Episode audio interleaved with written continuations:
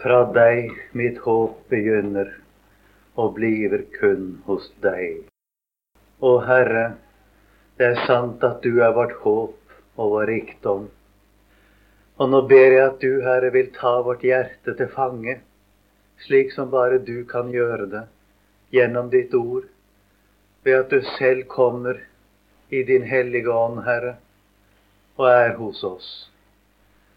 Og jeg må igjen få be deg, Jesus, om å få fra deg det jeg skal tale. Herre, la ditt hjertes tale gå til vårt hjerte for ditt navns skyld. Amen. I disse eksemplene på Jesus sjelesorg som vi har for oss, har vi hittil sett på to hvor vi vel må si at sjelesorgen har lykkes. Det er jo helt sikkert at den samaritanske kvinnen ble frelst. Og jeg tror vi må si det ganske sikkert at Nikodemus også ble frelst. Visstnok forsvant han ut av bildet i Johannes evangeliums tredje kapittel. Men han dukker opp igjen her og der. En gang forsvarer han Jesus i en kritisk situasjon i Det høye råd. Og så var det en dag da Gud trengte to modige menn. I sannhet to modige menn. Da var ingen av disiplene disponible. Men da var det to, og begge var rådsherrer. Josef fra Arimathea og Nikodemus. De gjorde hva ingen annen kunne eller turde, og som var virkelig et vågestykke. Gå til landets høyeste politiske autoritet og trosse landets religiøse autoritet og be om å få ta Jesu døde legeme ned av korset og gi den ærefull begravelse. Det hadde ikke Nikodemus gjort, og heller ikke Josef fra Arimathea for den saks skyld, hvis han ikke da hadde sett det Jesus talte om, like som Moses opphøyet slangen i ørkenen.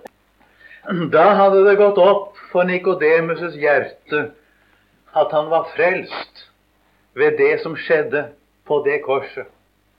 Da gikk det opp for ham at det soneoffer som den store forsoningsfest vitnet om, og som offer i gamle pakt var anskuelsesundervisning om, det ble fullbyrdet der og da, en gang for alle, for hele menneskehetens synd. Og han trodde på det. Det er ikke Nikodemus som kommer om natten da, nei. Og det er ikke Nikodemus som tror lønnlig av frykt for jødene lenger. Da er det så åpenbart som det kan være. Så jeg tror vi kan si det nokså trygt at i begge de tilfeller av Jesu sjelesorg vi har sett på, har den virket til frelse. Vi kommer nå til noen eksempler hvor vi finner begge deler. Og mest at det virker ikke til frelse. Det er også noe som Bibelen setter frem for oss. Nå skal vi lese et i dag. Dette er et individuelt tilfelle, akkurat som de andre vi har lest.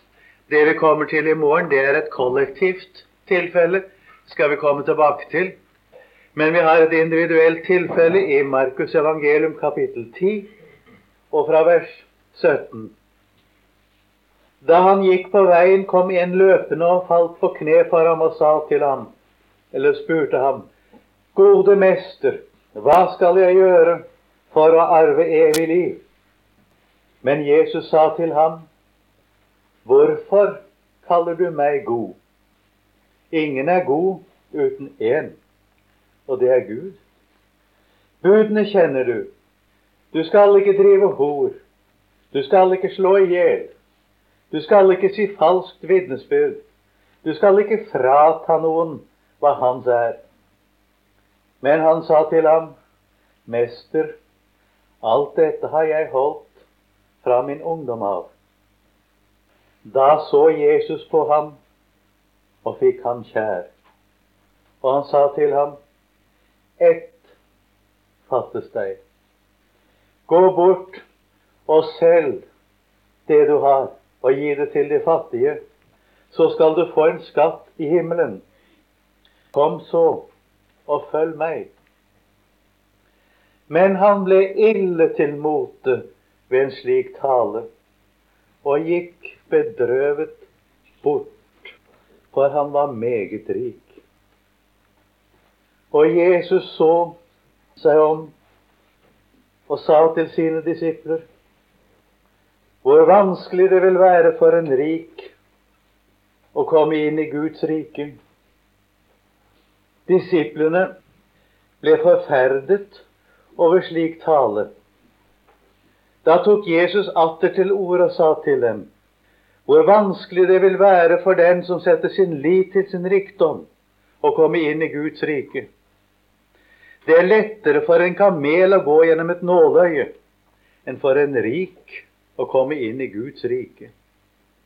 Da ble de ytterlig forferdet og sa til hverandre Hvem kan da bli frelst? Jesus så på dem og sa For mennesker er det umulig, men ikke for Gud. Alt er mulig for Gud. Når vi har fått dette eksempel på sjelesorg, har det vel to grunner. Det ser vi av sammenhengen det står i i de tre første evangeliene. Det er sikkert ikke det eneste tilfellet av den slags sjelesorg, men det er det eneste tilfellet av denne slags som er tatt med. Vi har beslektede tilfeller, men dette er altså noe som står i en særstilling. Og vi legger merke til at overalt hvor dette kommer, taler Jesus om faren ved å være rik på jordisk gods. Vi har det jo så travelt med i vår tid å si at det er jo ikke farlig å ha mange penger. Det er jo det at man stoler på pengene, som er farlig. Ja, det sier Jesus også her. Hvor vanskelig det vil være for en som setter sin lit til sin rikdom, å komme inn i Guds rike. Men det er en ting vi ser i den sammenheng. Det er ikke mange som har mange penger, og som ikke stoler på dem. Det er meget sjelden.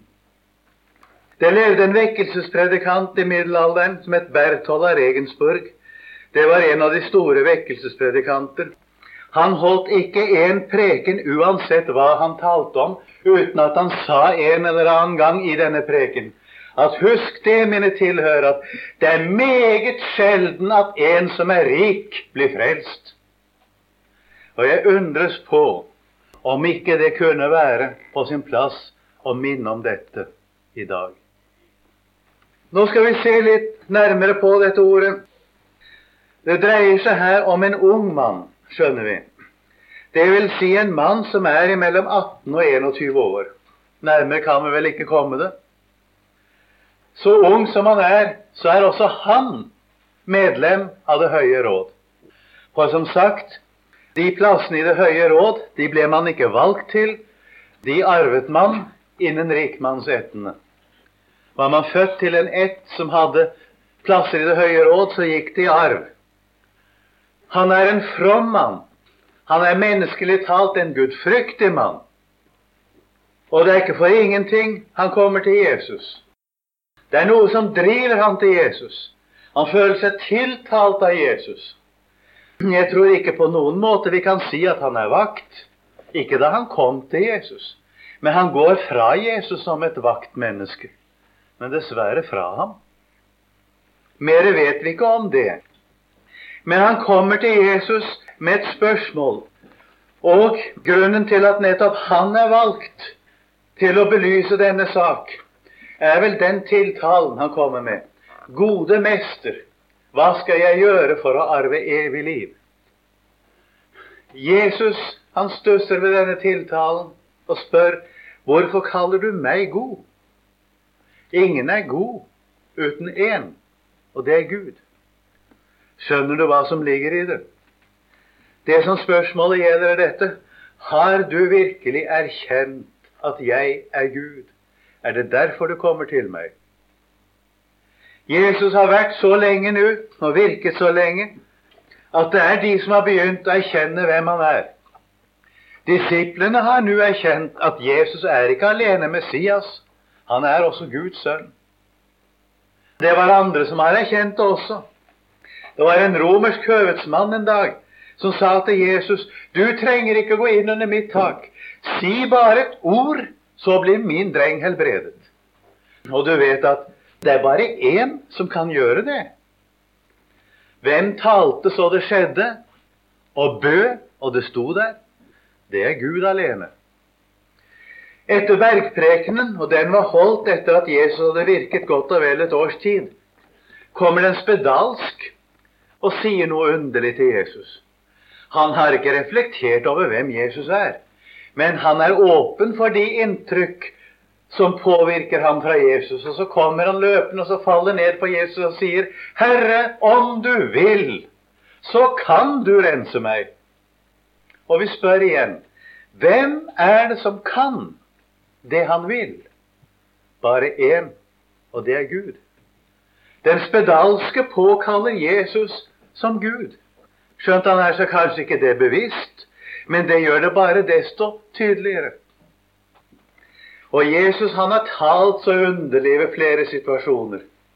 Og det er vel grunn til å tro Det må nødvendigvis forholde seg slik at denne rike unge mannen her, han har vært til stede ved slike anledninger. Ellers kunne han ikke komme som han gjorde, og være tiltalt av Jesus som han var. En dag ble det firet ned den verkbrøden vet du, foran Jesus. Og så sier Jesus til den verkbrødene, dine synder er deg forlatt. Straks er det jo noen som tenker noe galt om Jesus, og det merker han. Og så sier han, hva er lettest å si? Dine synder er deg forlatt. Eller å si, stå opp og ta din seng og gå. Og så føyer han til for at de skal vite at menneskesønnen har makten, myndigheten står det egentlig, til å forlate synder på jorden. Så sier han til den verkbrødene, ta din seng opp og gå hjem til ditt hus. Hvem er det som har myndigheten til å forlate synder? Det er bare én, og det er han som synden er gjort imot. Jesus taler slik som bare én har rett til å tale, nemlig Guds egen sønn. Gud selv. Det er det Jesus også gjør i bergpreken. Det skal jeg ikke komme inn på nå. Men det er det han gjør når han sier 'Jeg har hørt deg sagt, men jeg sier det'. Og en dag sier han det at menneskesønnen er Herren over sabbaten. Ja, hvem er Herren over sabbaten? Bare én, han som innstiftet dem.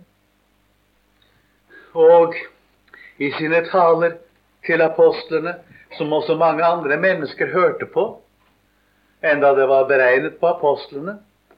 Der sier Jesus det om noen elsker far og mor mer enn meg, er han meg ikke verd. Der plasserer Jesus seg selv i det første bud. Det første bud som sier 'Du skal ikke ha andre guder enn meg'. Du ser når du legger merke til det. Jesus taler som bare Gud kan tale. Enten er det en gudsbespotter, eller så er det Gud. Og Jesus er Gud. Så kommer denne mannen og spør, 'Gode mester, hva skal jeg gjøre for å arve evig liv?' Og så spør Jesus, 'Hvorfor kaller du meg god?' Og nå skjønner du spørsmålet. Ingen er god uten én, og det er Gud kaller du meg gode mester fordi du har erkjent hvem jeg er? Han venter ikke på noe svar, og vi kan ikke si mer om det enn det som jeg har sagt. Spørsmålet ble stilt ham av Jesus, mer kan vi ikke si om det. Men det er tydelig at Jesus har reagert på tiltalen. Så sier Jesus, ja, budene kjenner du og nevner eksempel på de fire mest alminnelige. Og så sier han det alt dette har jeg holdt fra min ungdom av. Her ser vi altså at denne unge mannen han gjør det som Bibelen kaller for lovgjerninger. Han har naturligvis ikke oppfylt budene. Det er bare én som har gjort, og det er Jesus. Men han har latt være det som budene forbyr. Og han har gjort det som budene påbyr, menneskelig sett. Og jeg, det er som Gud talte til meg om dette. Jeg har prøvd å la være å stjele, og la oss si at det hadde lykkes. Det skal jeg ikke sies altfor høyt. Men om det, hadde latt, om det hadde lykkes med å la være å stjele, så kom Gud og så sa han til meg, si meg du, hvorfor lar du være å stjele? Lar du være å stjele fordi du elsker meg av hele ditt hjerte, med all din kraft og av hele din sjel, og fordi du elsker din neste som deg selv? Hvis, du, hvis det er grunnen til at du lar være å stjele, da har du nok holdt det syvende bud. Da måtte jeg svare nei. Jeg elsket ikke Gud, nei. Det var nettopp det jeg ikke gjorde. Og jeg elsket ikke min neste som meg selv, nei. Jeg holdt budet fordi jeg ville være rettferdig. Og da sa Gud til meg, vel, når du da lar være å stjele, så gjør du den gjerning som det syvende bud krever. Men du har ikke holdt budet. Altså, én ting er å gjøre lovens gjerninger. En annen ting er å holde budene. Og lovens gjerninger kan nok vi mennesker holde, eller greie, men holde budene gjør vi ikke. Og her er vi ved noe som er typisk for det naturlige mennesket. Det naturlige mennesket elsker lovgjerningene, men hater loven. Mens en kristen det gjenfødte sinn, det hater lovgjerningene, men elsker loven. Som vi hørte før i dag. Eller for å si det mer nøyaktig, kanskje, eller med et annet uttrykk Det naturlige mennesket elsker loviskheten, men hater loven. Det vil si, det elsker hva det kan være å gjøre, hva det kan få gjøre noe, være noe. Gode mester, hva kan jeg gjøre? Du hører det? en kristen, en som er født av Gud, han hater loviskheten, men han elsker loven. Der hvor Guds ånd bor i hjertet, fordi Jesus ved troen bor i det hjertet, der er det noe som heter åndens frukt. Jeg får bare tid til å nevne det i dag. Men det er noe som heter åndens frukt, som kommer der, som heter kjærlighet, glede, fred, langmodighet, mildhet, godhet, trofasthet, saktmodighet, avholdenhet. Der trives ikke synden, nei. Der trives ikke selvlivet. Men der trives loven. Mot slike er loven ikke. Så jeg gjentar det. Typisk for det gjenfødte mennesket er det hater loviskheten, men elsker loven. Mens det naturlige mennesket elsker loviskheten og hater loven. Og du ser, det er dette Jesus avslører hos denne fine mannen her. Han sier det, denne mannen, alt dette har jeg holdt fra min ungdom av. Da så Jesus på ham og fikk ham kjær, står det. Det må ha vært noe med det blikket. I det hele tatt det har vært noe underlig med hele situasjonen. Det er stundom vi kan huske et blikk. Vi kan huske et blikk vi får. Vi kan huske et blikk som andre har, som ikke gjelder oss, men noen som de ser på. Vi finner gang på gang det i denne lille beretningen jeg leste her. Jesus så på ham.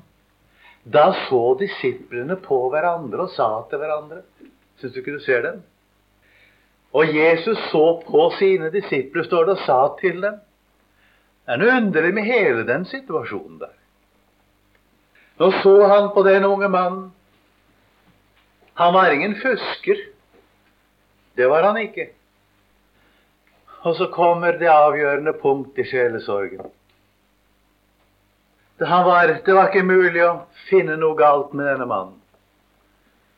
Det er ikke mange i denne forsamling som har levd et slikt ungdomsliv som denne mannen har gjort. Det er det ikke.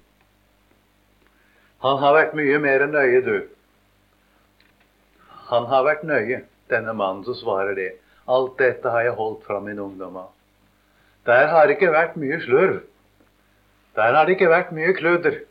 Det kan du stole på. Han er en mann som går inn for det han vil. Og det sier ikke så lite når Jesus så på ham og fikk ham kjær. Ett fattes deg. Gå og selg det du har, gi det til de fattige, så skal du få en skatt i himmelen. Jesus ser at det er noe som er nødvendig for denne mannen her. Det er én vei som han må gå om han skal komme til selverkjennelse og til tro på Jesus.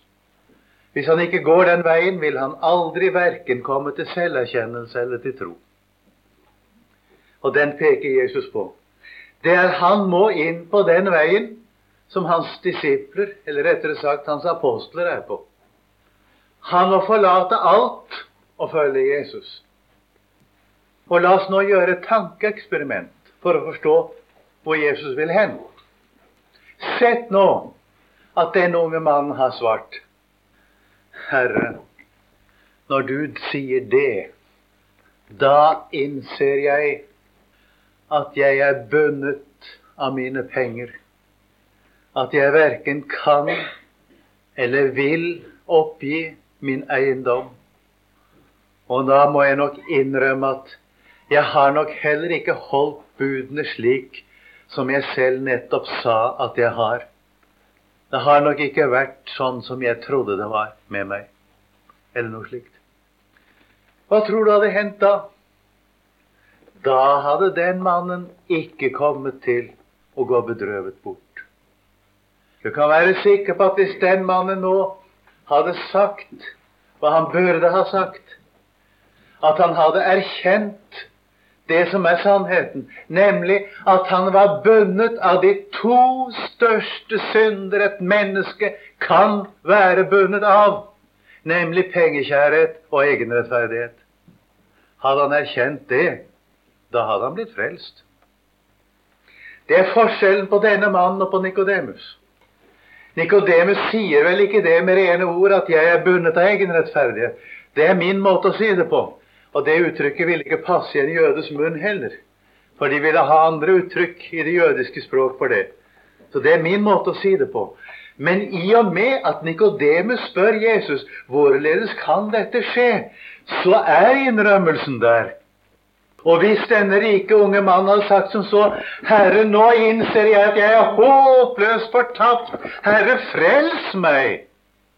Så hadde han blitt frelst. Nå blir han vakt. Det gjør han. Det kan han ikke unngå.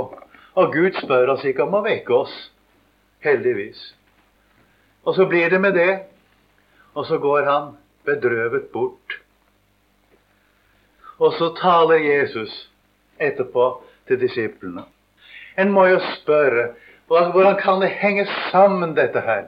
At et menneske, ansikt til ansikt med Jesus, det får det så klart sagt og så bøyer det seg ikke, enda det så endelig godt skjønner hvordan det hele henger sammen. Så bøyer det seg ikke. Jo, en av grunnene er den det er vanskelig for en rik å komme inn i Guds rike. Når Jesus sier det, da sier han det på en særskilt måte. Da så Jesus på sine disipler, og så sa han til dem hvor vanskelig det er for en som setter sin lit til sin rikdom, å komme inn i Guds rike. Det er lettere for en kamel å gå gjennom et nåløye enn for en rik å komme inn i Guds rike. Og Nå må dere ikke høre på det der sludderet om den porten i Jerusalem som de kaller nåløye. Det var så vanskelig å få en kamel igjennom en liten port så kamelen måtte bøye seg. Må ikke høre på noe sånt noe tull. For det Jesus vil ha sagt, er det er umulig. Det kan ikke skje. Et menneske som stoler på sin rikdom, kan ikke bli frelst. Det er ikke mer å si om det. Og du hører, da ble disiplene ytterlig forferdet. Åssen er det med deg?